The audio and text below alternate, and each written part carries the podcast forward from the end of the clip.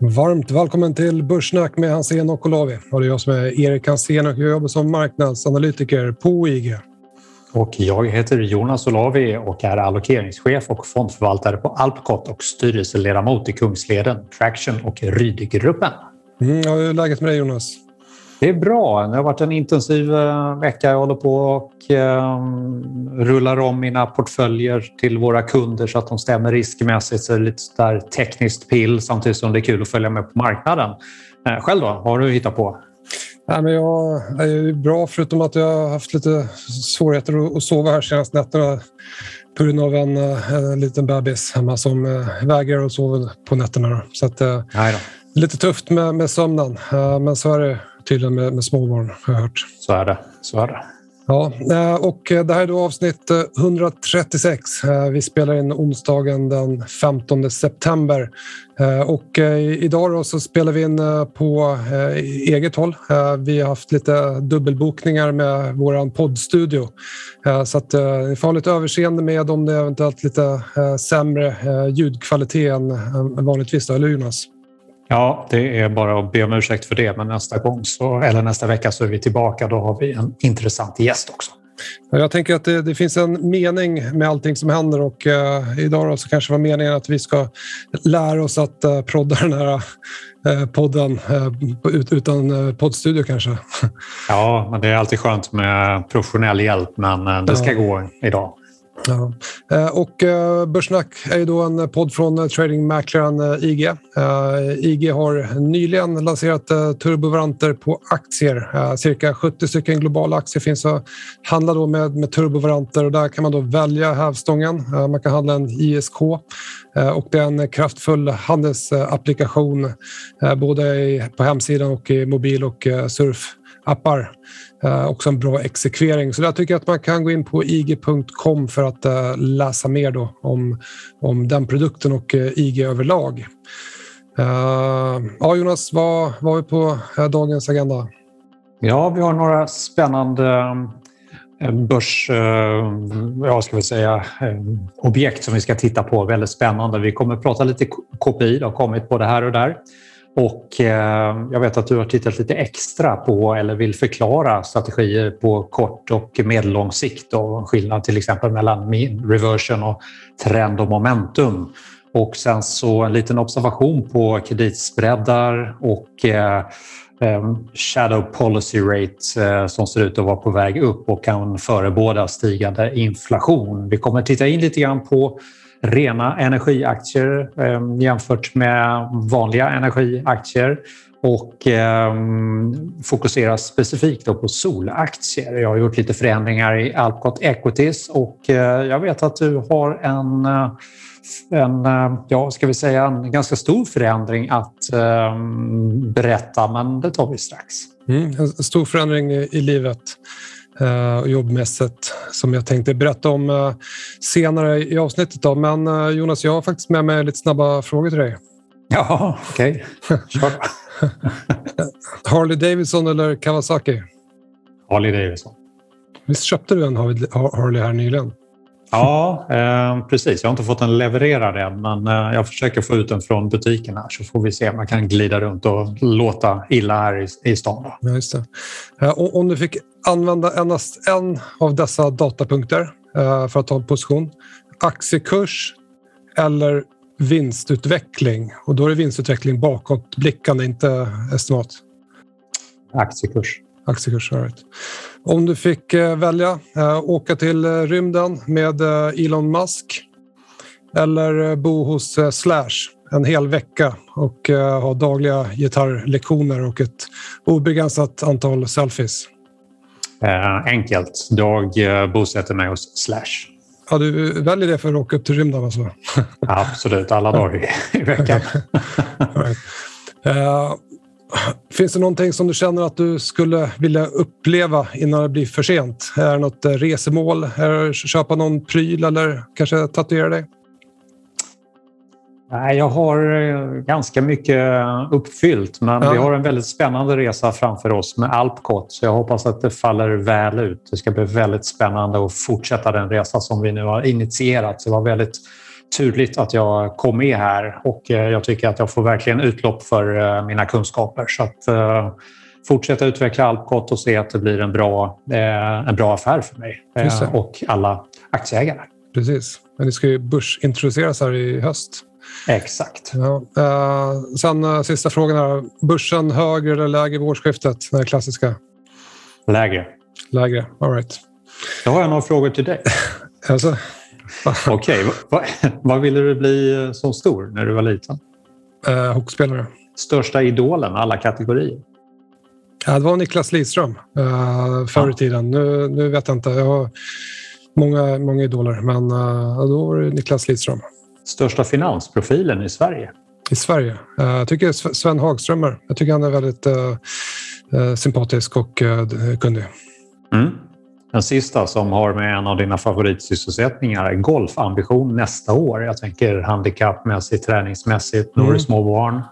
Men någon, någon, ambition har du? Ja, eh, nej, men nu ligger jag på 3,6 tror jag i handikapp där eh, och eh, förhoppningsvis skulle vi i alla fall kunna komma under eh, 3. Eh, skulle vara fullt möjligt om jag fortsätter att nöta lite grann på, på närspelet.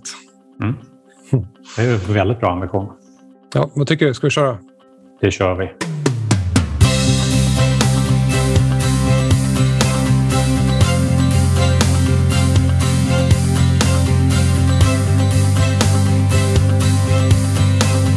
Börssnack med Hansen och Olavi.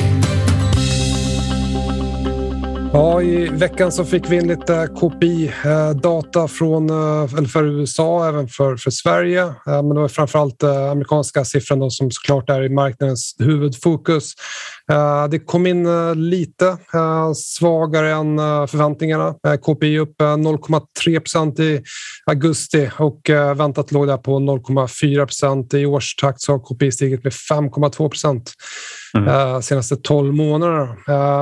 Personligen så kan jag tycka att eh, marknadsreaktionen var väl lite överraskande. Eh, amerikanska börsen, även räntor, föll eh, på det här beskedet. Vad, vad, vad är din take av inflationen som kom in här? Ja, jag tycker inte man ska tolka in för mycket av det utan det varierar från månad till månad och att den kom in då lite lägre från väldigt höga nivåer.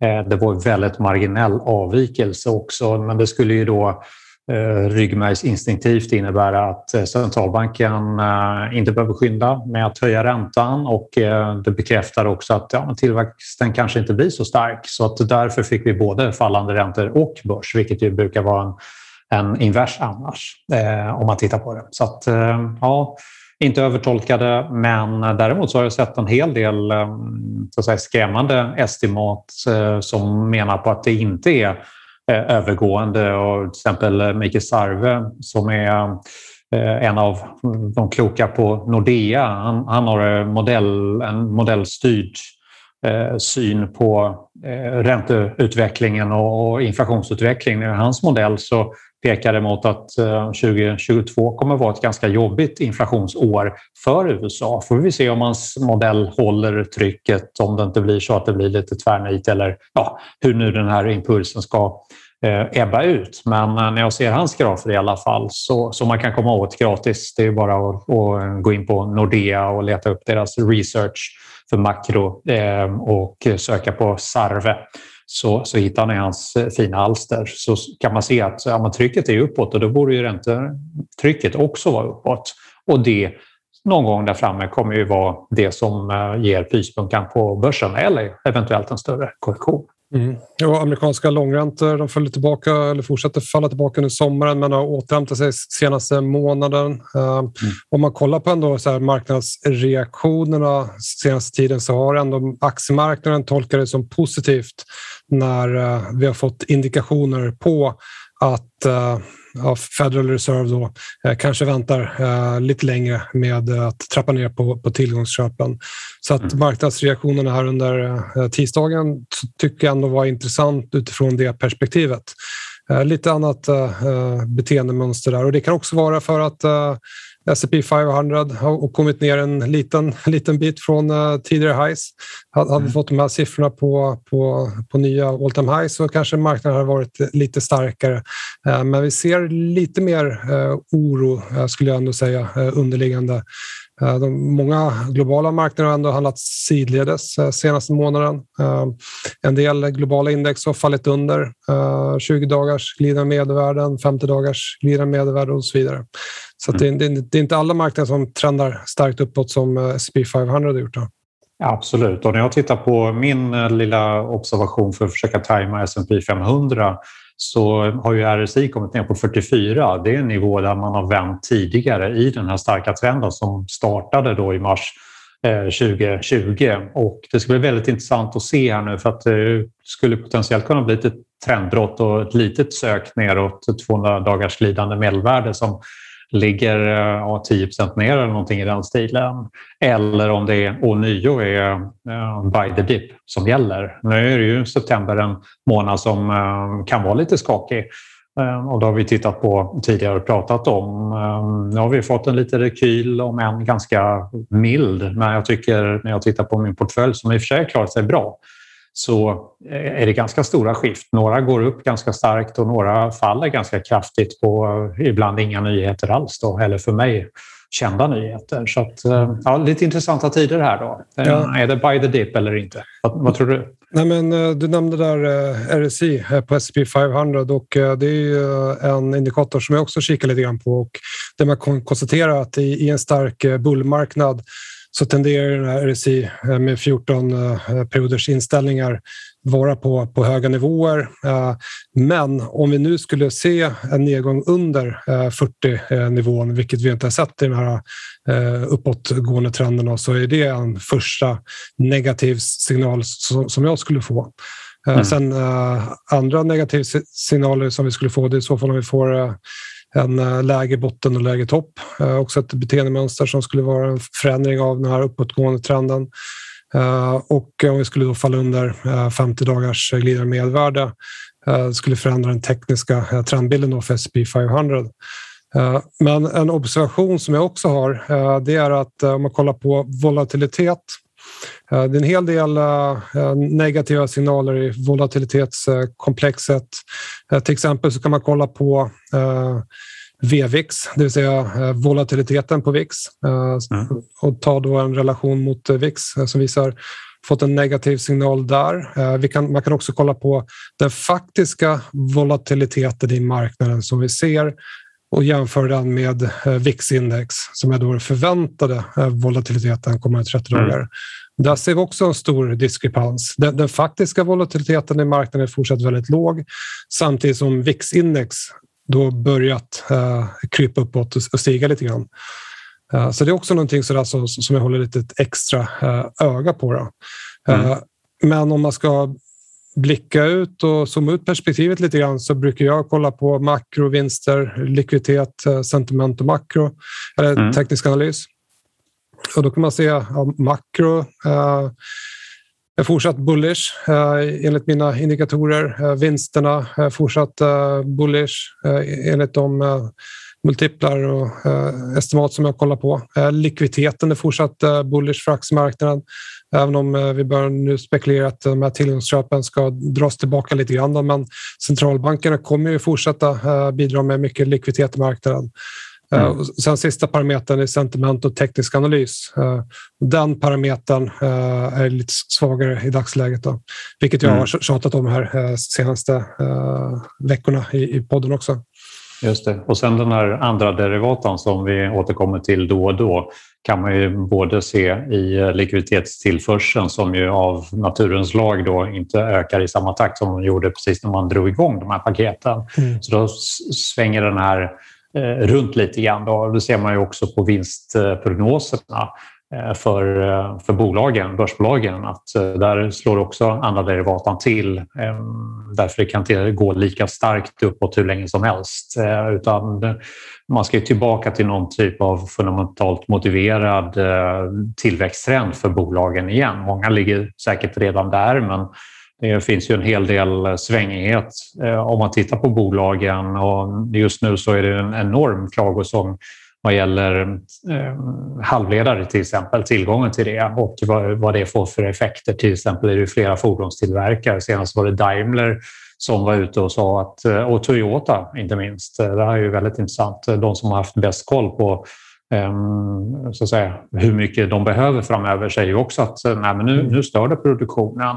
Och det är kanske inte hela världen att man inte kan köpa en ny bil men man ska ju tänka på att eh, fordonsindustrin är en väldigt stor del av hela tillväxtkomponenten. Det finns många underleverantörer, det finns många människor som är beroende av att eh, bilar säljs och eh, tillverkas och säljs. Då. Så att det kan få lite större effekter rent tillväxtmässigt för att man då inte får till de här komponenterna. Och det har jag ju tänkt på länge så att jag har ju mycket halvledarbolag till exempel i min eh, eh, fond, i min Just globala det. fond. Just det. Och en, en annan uh, sak som jag tänkte lite grann på här när vi pratar om uh, som aktiemarknaden och, och trender och lite svaghet. Förra veckan pratade vi lite grann om de olika faserna efter en eh, recession eh, och eh, nämnde då att vi var inne i en post recession bull market. Jag nämnde även då att efter vi har kommit in en bit in i en recession, post bull market, så har vi ofta fått en, en korrektion i, i marknaden. Uh, men, men jag tror ju att det är för tidigt för att eh, spekulera i, i någon större topp, utan jag tror att det här är bara en korrektion och sen ska vi fortsätta uppåt. Eh, jag har ju min eh, signallista även för bear markets, det vill säga större nedgångar och den signalerar för tillfället ingen eh, större topp i, dagsläget. Då. kan såklart mm. förändras mm. snabbt och då kommer jag också förändra min inställning. Då. Exakt, ja, men jag håller med dig. Så får vi se hur pass mycket centralbankerna agerar för att det ligger ju lite grann i prognosbilden. För det, jag gissar att det du talar om det, det har ju lite längre perspektiv på ett antal månader och kanske ett mm. halvår upp till ett år.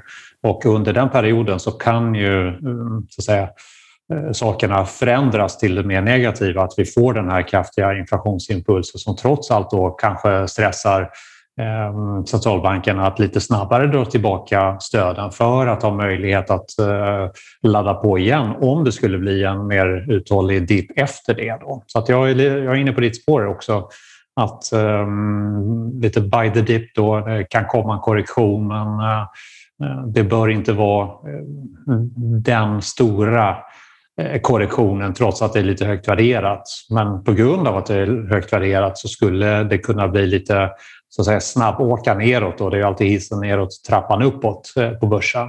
Så det får man vara beredd på eh, och det hoppas jag att alla är också när man väljer hur mycket man ska vara investerad och vad för typ av instrument man investerar i. Mm. Har du gjort några affärer eh, i portföljen? Några förändringar? Ja, absolut. ja, jag köpte på lite mer Hexagon. Jag eh, gjorde så att jag tog och eh, köpte en lite mindre post först, som jag alltid gör. När jag kliver in i bolag och det här är en aktie som har gått väldigt starkt och jag tycker att ehm, det här är ett av de mest spännande teknikbolagen vi har på börsen som stämmer väl in med de makrotrender som jag gillar starkt. Ehm, hela digitaliserings-AI eh, och allt det där som, som eh, vi kunde få en försmak av när vi hade eh, Ola Rolén i podden. Han berättade om det där med datainsamling och allt vad man kan göra med det. Och där ligger ju Hexagon så pass långt fram. Så att väl motiverat att aktien går starkt. Så jag har köpt på mig så att den ligger mer normalviktat. Jag försöker ha ungefär lika stora vikter i de olika bolagen som jag köper in. Då. Men sen så gjorde jag ett eh, köp, ett nytt köp och det är eh, Estée Lauder som vi nämnde när vi pratade skönhetsbolag och lyxbolag. Då, som jag tycker är ett eh, intressant bolag eh, av flera anledningar och mycket är ju att det här drivs väldigt, väldigt effektivt. Man har mycket bra eh, koll på vad som funkar, när det funkar och så vidare. Och Det som är caset, om man ska göra det väldigt, väldigt enkelt, är ju att när vi då eh, i allt större utsträckning eh, världen över återvänder till jobbet, eh, skolorna har börjat, då ökar konsumtionen av så här, bulksminket, om man lite oförsiktigt säger så. Det får jag mm. säkert mothugg på att det inte alls heter så. Men sånt man lite behöver när man ja, jobbar och kanske vill känna sig fräsch. Så um, det här är ett bolag som har allt från hudprodukter, dofter, hårprodukter, kosmetika. Och tittar man på hur stor andel eh, det är så är det hudprodukter och kosmetika som utgör 85 procent av eh, eh, försäljningen. Och eh, varumärken är ju förutom då Estée Lauder, eh, Ehm, Mac, eh, Too Faced, Smashbox, Tom Ford, Bobby Brown, ehm, Aramis, eh, Tommy Hilfinger, ehm, DKNY och Klinik som man ser i butiken. Alltså att det är, jag tror att de flesta känner igen något eller några av de här eh, varumärkena. Då. Och man har ju väldigt stor spridning. Det här är en av giganterna på området och man finns i 150 länder där Europa och eh, Asien utgör 45 procent, USA 30 Ehm, och ja, resten av världen resten där. Då. Och ehm, de, hade en, de har ju ett eh, snett räkenskapsår så de gjorde sitt bokslut här alldeles precis. Då. Och eh, de slog förväntningarna, precis det jag gillar att se och de höjde också prognoserna för helåret ehm, som då för dem blir 2022 nu. Man var lite light på 20, eh, eller det här första kvartalet som man nu är inne i.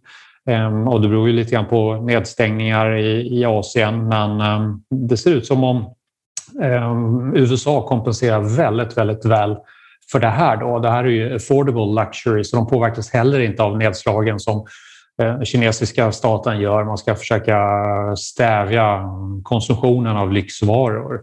Det här är lite mer sånt som mm, de flesta har råd med.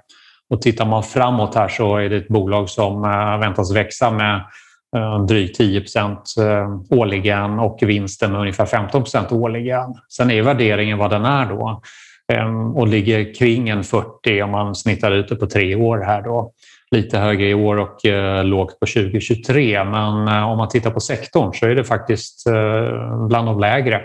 Så jag tycker att även om den kanske inte klockar in helt hundra på en momentumstrategi där jag vill se kanske än högre vinsttillväxt så tycker jag att de gör ett väldigt bra jobb och eh, tillväxten är good enough. Ehm, så att den har fått ehm, joina övriga bolag som eh, nu är ja, en bit över 60 bolag. Då.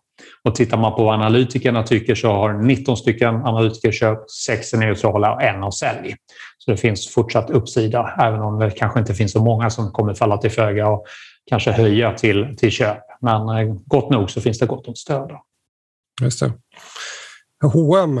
Jag vet att du, vi pratade lite grann om H&M här innan. Mm.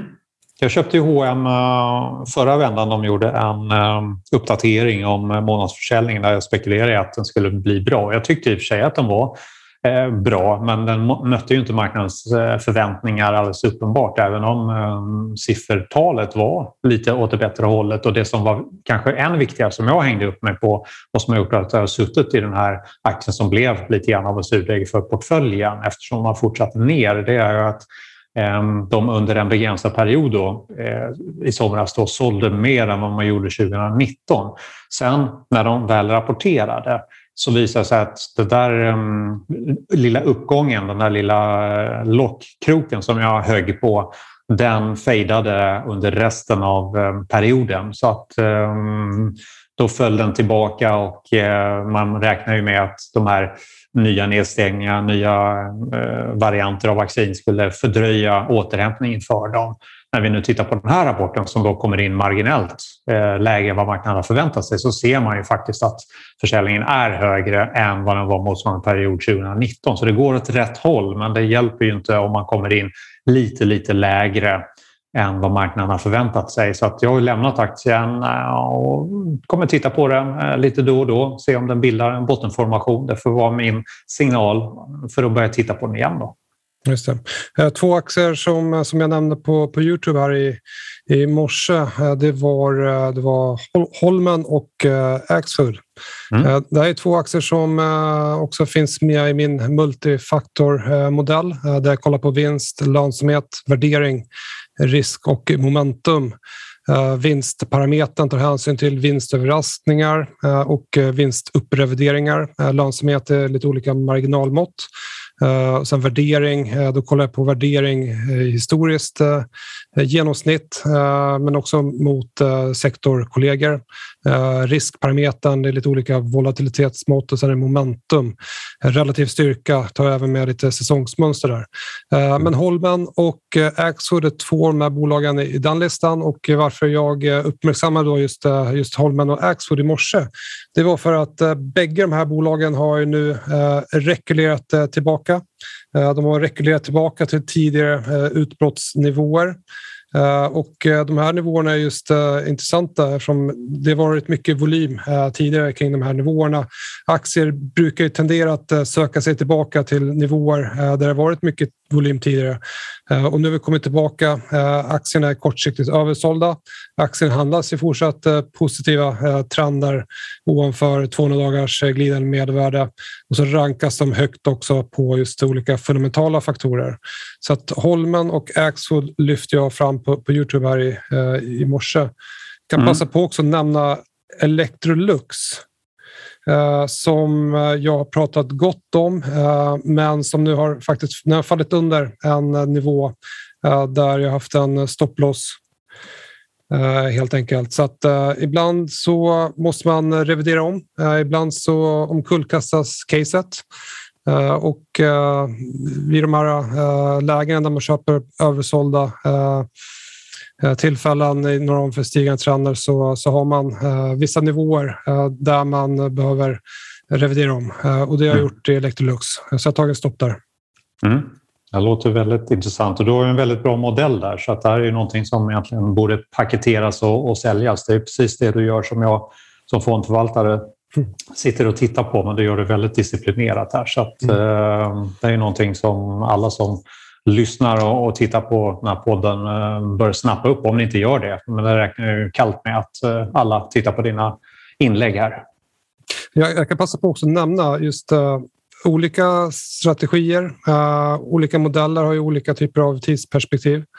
Mm. Uh, om man kollar på vad som funkar bäst på kort sikt och då pratar vi dagar upp till några veckor kanske någon månad. Då brukar det vara jämviktspendling, det vill säga att man, man köper på svaghet. Uh, om man skulle simulera uh, två olika portföljer där man då köper uh, förlorare och sen i andra portföljen köper man vinnare. på kort sikt så brukar det vara förloraraktierna som faktiskt presterar bäst på kort sikt. Mm. Sen, på, sen på medellång sikt, om man kollar 3-12 månader, så brukar det vara mer att aktier tenderar att trenda. Och då brukar det vara mer trendföljande och momentumstrategier som fungerar bättre. Eh, och sen på lång sikt, då återigen så brukar jämviktspendlande strategier fungera. Eh, där man då försöker hitta lågt värderade bolag eh, och då brukar ju då de, om man då sätter det i kontext med andra fundamentala faktorer, ha bättre förutsättningar till en bra avkastning då, jämfört med väldigt högt värderade bolag. Mm. Och då, om man då kollar på över ett år eller två års sikt. Just det. Så det, det, är viktigt att hålla koll på uh, de olika tidsperspektiven när man kollar på olika strategier. Mm. Helt enkelt. Spännande. Jag gjorde en liten observation, om du är klar med den. Ja, ja. ja. Ehm, och det är också tidsperspektiv och då pratar jag om ren energiaktier. De hade ju väldigt starkt fjolår och de är intressanta utifrån tematiskt perspektiv men sen har det varit pyspunka här i år och vi hade ju en tematisk investerare med oss förra veckan i form av Claes Örn som ju är rådgivare till um, Tematiskas uh, Future Mobility. Um, men då har jag tittat på just energi um, och inte, där man kan inte, hitta värde. Ursäkta Förlåt? att jag avbryter ja. dig. Ja. bara för att förtydliga, det är inte eh, klassiska energibolag som, eh, som utvinner olja utan det här är grön energi, eller?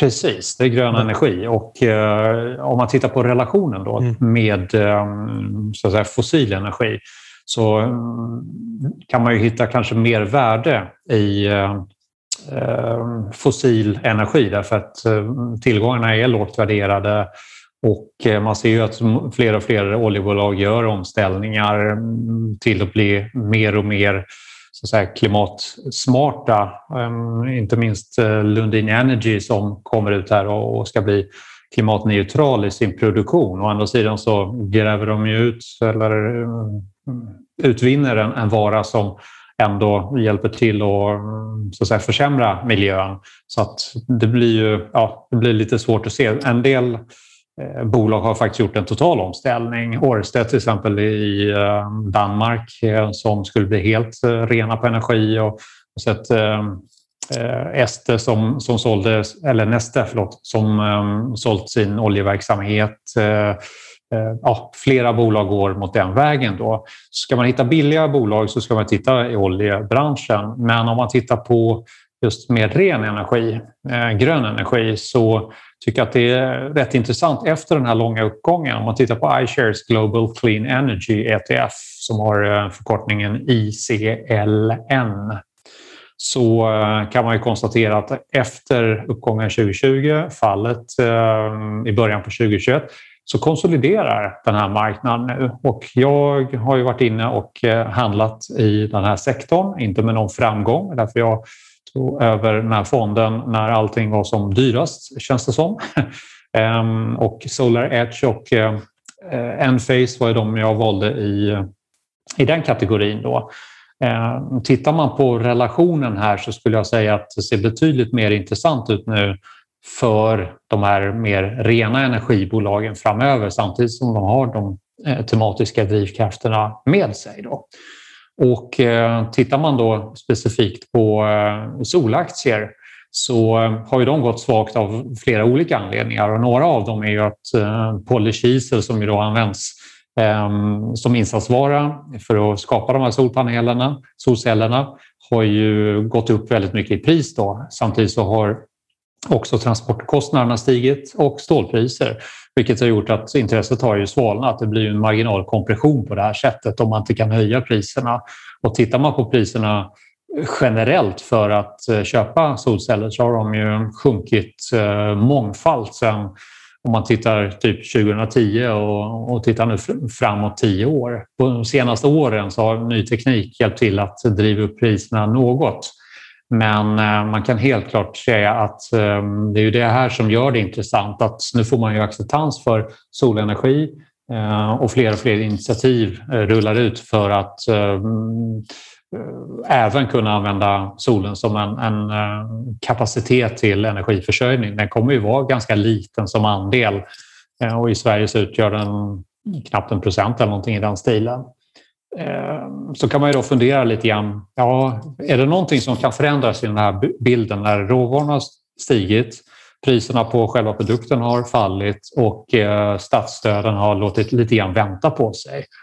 Tittar man på prognoser, och det här är sånt som jag kommer lägga ut på Twitter så att ni kommer se, så eh, gör till exempel Bloomberg, de har en ganska stor analysstab som tittar på intressanta fenomen ehm, runt om i världen. Bland annat då tittar de på just eh, solcellsbolag här och de räknar med att eh, det kommer vara en fyrdubbling av kapacitet fram till 2030 och även om vi nu är eh, 2021 så eh, går det ganska fort där 2030 så det är en nästan exponentiell utveckling. Mycket av det kommer att ske i Kina. De ligger väldigt långt framme. Men även andra länder, till och med USA som ju tidigare var klimatförnekare, Eh, brassa på här ordentligt. Och i en sån miljö, när det finns en makrotrend som lite grann struntar i vad som händer runt omkring, då tycker jag det är intressant att, titta på det. Det som har gjorts nu för att komma till rätta med priserna det är ju att eh, det byggs ut väldigt mycket ny kapacitet för eh, polykisel som är en, en av de viktigaste insatsvarorna. Men det finns även då silver, aluminium, kadmium, tellurium, indium, gallium, eh, selenium, all, massa metaller som man aldrig hört talas om. Då. Eh, och då håller man på att bygga ut de här, eh, här stora produktionsverken eh, samtidigt som det pågår ny, liksom ny, ny eh, så forskning kring det här. Då. Så att just nu så räknar man med att priserna kanske har toppat eller är nära att toppa ut för just den här insatsvaran och då skulle ju marginaloron som har gjort att de har varit ganska kalla de här aktierna, ehm, eh, ska vi säga, att de får en liten renässans här då. Och jag har gjort ett ganska stort jobb för att eh, få upp min egen bevakningslista. Den här kommer jag lägga ut till alla er kära tittare och eh, lyssnare. Ni får leta er in på Twitter. Eh, kommer jag lägga ut den här stora listan på bolag som ryms i eh, MAC Global Solar Energy Index med nyckeltal. Dels hur alltså stora vikter de här bolagen har, vad det finns för eh, riktkurser, hur långt det är kvar till riktkursen. Ehm, jag tittar på vinstutveckling, jag tittar på försäljningsutveckling, tittar på P-tal, PEG-tal och jag lägger också in en teknisk kommentar och som grädde på moset så kommer jag också ha lagt ut ehm, vad analytikerna tycker. Hur många är positiva, hur många är negativa? Och man kan ju fundera då, är det här en dyr sektor? Eh, med tanke på de uppgångar som vi såg förra året. Ja, men om jag tar ett exempel. Eh, jag börjar med Enphase, ett amerikanskt bolag. Enphase Energy. De växer med eh, nästan 40 procent årligen i vinsten. I år så växer de försäljningen med 72 procent och försäljningen med, med 36 och 30 procent kommande två åren. P-talen är relativt höga då. De börjar på 70, ska vi se här, eh, 56 och sen faller det ganska snabbt framåt. Så att även om PEG-talet eh, ligger närmare 2 så faller det väldigt, väldigt eh, snabbt här. Så den tycker jag är intressant och den älskar analytikerna. Ehm, jag har grönmarkerat de här som jag tycker man kan titta in på. En del är kinesiska som kan vara svåra för en att handla. Men det kan ändå vara intressant att ha en bra eh, peer group när man tittar på de här bolagen. Det finns lite franska bolag man kan köpa. Japanska bolag går att handla i en hel del tjänster. Ehm, och även ett litet norskt bolag som ehm, jag har lagt till i den här listan. Så att jag hoppas att det kan ge lite idéer. Jag har ännu inte köpt någonting ehm, åter inom Sol energisektorn, men det här är en sektor som jag håller ordentligt under lupp för att här finns det många intressanta bolag som växer kraftfullt, som har låga värderingar och eh, hög vinst och försäljningstillväxt. Ehm, så att jag hoppas att det kan vara lite mumma när ni sitter och funderar över helgen vad man kan göra i framtiden. Mm. Jag tycker också att sektorn är intressant, precis som du nämnde där, att den har ju verkligen konsoliderat, rört sig sidledes eh, under året här med, med, lite lägre och lägre volatilitet. Så att, eh, Eh, det skulle inte förvåna mig om vi får en, en större rörelse i många av de här bolagen. Ett bolag som, som jag tycker ska lägga till på listan också det är ju Vestas. Ja, absolut. Men det blir ju på vinstsidan där. Precis. Men det är och, ändå... Definitivt. Den har jag också varit inne i och har ja, sålt av den och, och väntar på att komma in i den igen. För de är ju en av de ledande på marknaden. Så jag, jag håller helt med. Den är ju med på listan. För även menar, Vestas eh, har ju en hög eh, korrelation, alla de här eh, bolagen. Du kan till och med lägga in, du kan charta Tesla tillsammans med de här och du ser att Tesla har haft liknande utveckling då på, på börsen tillsammans mm. med, med, med den här sektorn. Så mm. det, det, det är tema. Marknaden, marknaden tenderar att bli väldigt tematisk ibland. Och Vestas ser, tycker jag, allt intressantare ut. De har gjort en stor möjlig eh, bottenformation här så mm. jag tror att uh, utsikterna ser ganska goda ut för att de skulle ställa upp lite grann. Men som sagt, jag ska in och läsa på lite mer. Jag har hållit på med solen här nu så att, uh, jag får ta de sista soldagarna och passa på. det låter bra. Men uh, Erik, du sa att du hade en nyhet. Stor nyhet. Vad, ja. vad är det? Ja, men det stämmer. Eh, jag kommer eh, nämligen, eh, nämligen sluta på IG. Dags för, ja, dags för en... Nu låter du förvånad, du känner till det här innan. Det blir bättre tv då. Ja, exakt.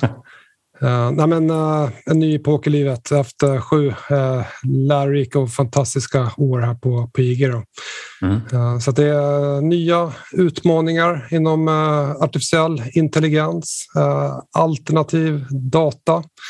Jag kommer gräva lite djupare i det där. Då. Jag kommer fortsätta med mina tidigare processer och mina angreppssätt med kvantitativ analys och teknisk analys. Då. Eh, men gräva lite djupare i artificiell intelligens och alternativ data som jag tycker är ett väldigt spännande område. Då. Så det är någonting som jag kommer att uh, arbeta med. Ja, vad spännande ja. det låter och eh, det är någonting som det bedrivs väldigt mycket forskning kring. Jag har sett de stora analyshusen och de stora kvantavdelningar för att liksom komma på de här nycklarna till marknaden och jag tycker du har gjort ett fantastiskt jobb med din analys här så du har ju världens språngbräda att stå på. Jag hoppas att samarbetet med IG också fortsätter för jag ser ju helt klart att deras kunder och de produkter som erbjuds på IG är liksom möjliga att handla på de observationer som du gör. Så att, eh, det hoppas jag att det fortsätter också. Mm, jag hoppas att eh, vi kan fortsätta podda tillsammans. Mm. Eh, det är mina förhoppningar. Sen får vi se hur det kommer se ut. Då. Men jag har ju uppsägningstid och jag kommer jobba kvar på, på IG fram till början på november. så att kommande veckor så kommer det inte vara någon större skillnad Eh, på, för Börssnack eller andra eh, kanaler. Jag fortsätter lägga upp eh, filmer på Youtube och kommunicera på, på Twitter och så vidare. Men senare under hösten då så kommer det se lite annorlunda ut. Mm. Ja, det kommer bli väldigt intressant att följa mm. Erik. Mm. Ja, med den stora nöten att knäcka här då. Hur summerar vi dagens avsnitt? Dagens avsnitt. Ja, men, fick ju inflationsstatistik här i, i, veckan som varit kanske veckans huvudfokus. Och marknaden valde att handla ner på den informationen säger mig lite grann att eh, marknaden kanske är lite nervös. Vi är också inne under hösten här, lite svagare säsongsmönster.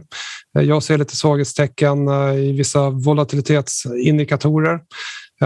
Samtidigt, om man breddar perspektivet så har jag inte fått några större signaler för en, en större bear market om man kollar på mina signallistor och andra faktorer. Så att en korrektion vore inte eh, ologiskt. Eh, samtidigt så eh, tycker jag inte att man ska fokusera för mycket eh, på att eh, eh, försöka förutspå när vissa trender vänder utan försöka fokusera på att profitera på den rådande upptrenden. Då.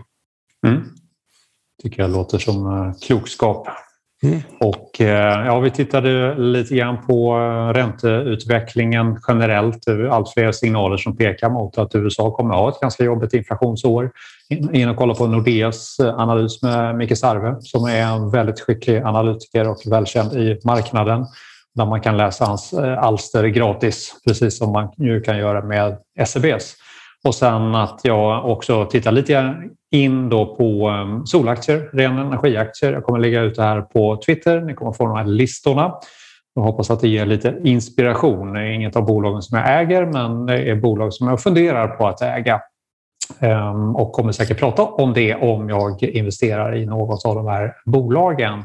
Och ehm, jag måste ju passa på att önska dig stort lycka till i livet framöver här, Erik. Mm.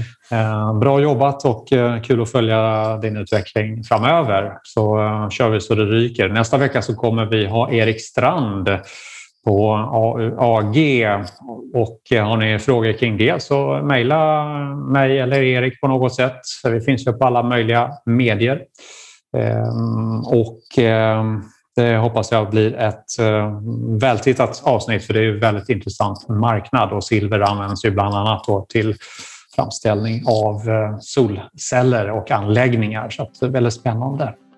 Så med de orden tycker jag vi rundar av. Tackar för oss och de bolag som nämns eller eventuella fonder. Inte några köprekommendationer utan observationer. Ha en grymt skön helg. Hej. Tack och hej. Trevlig helg.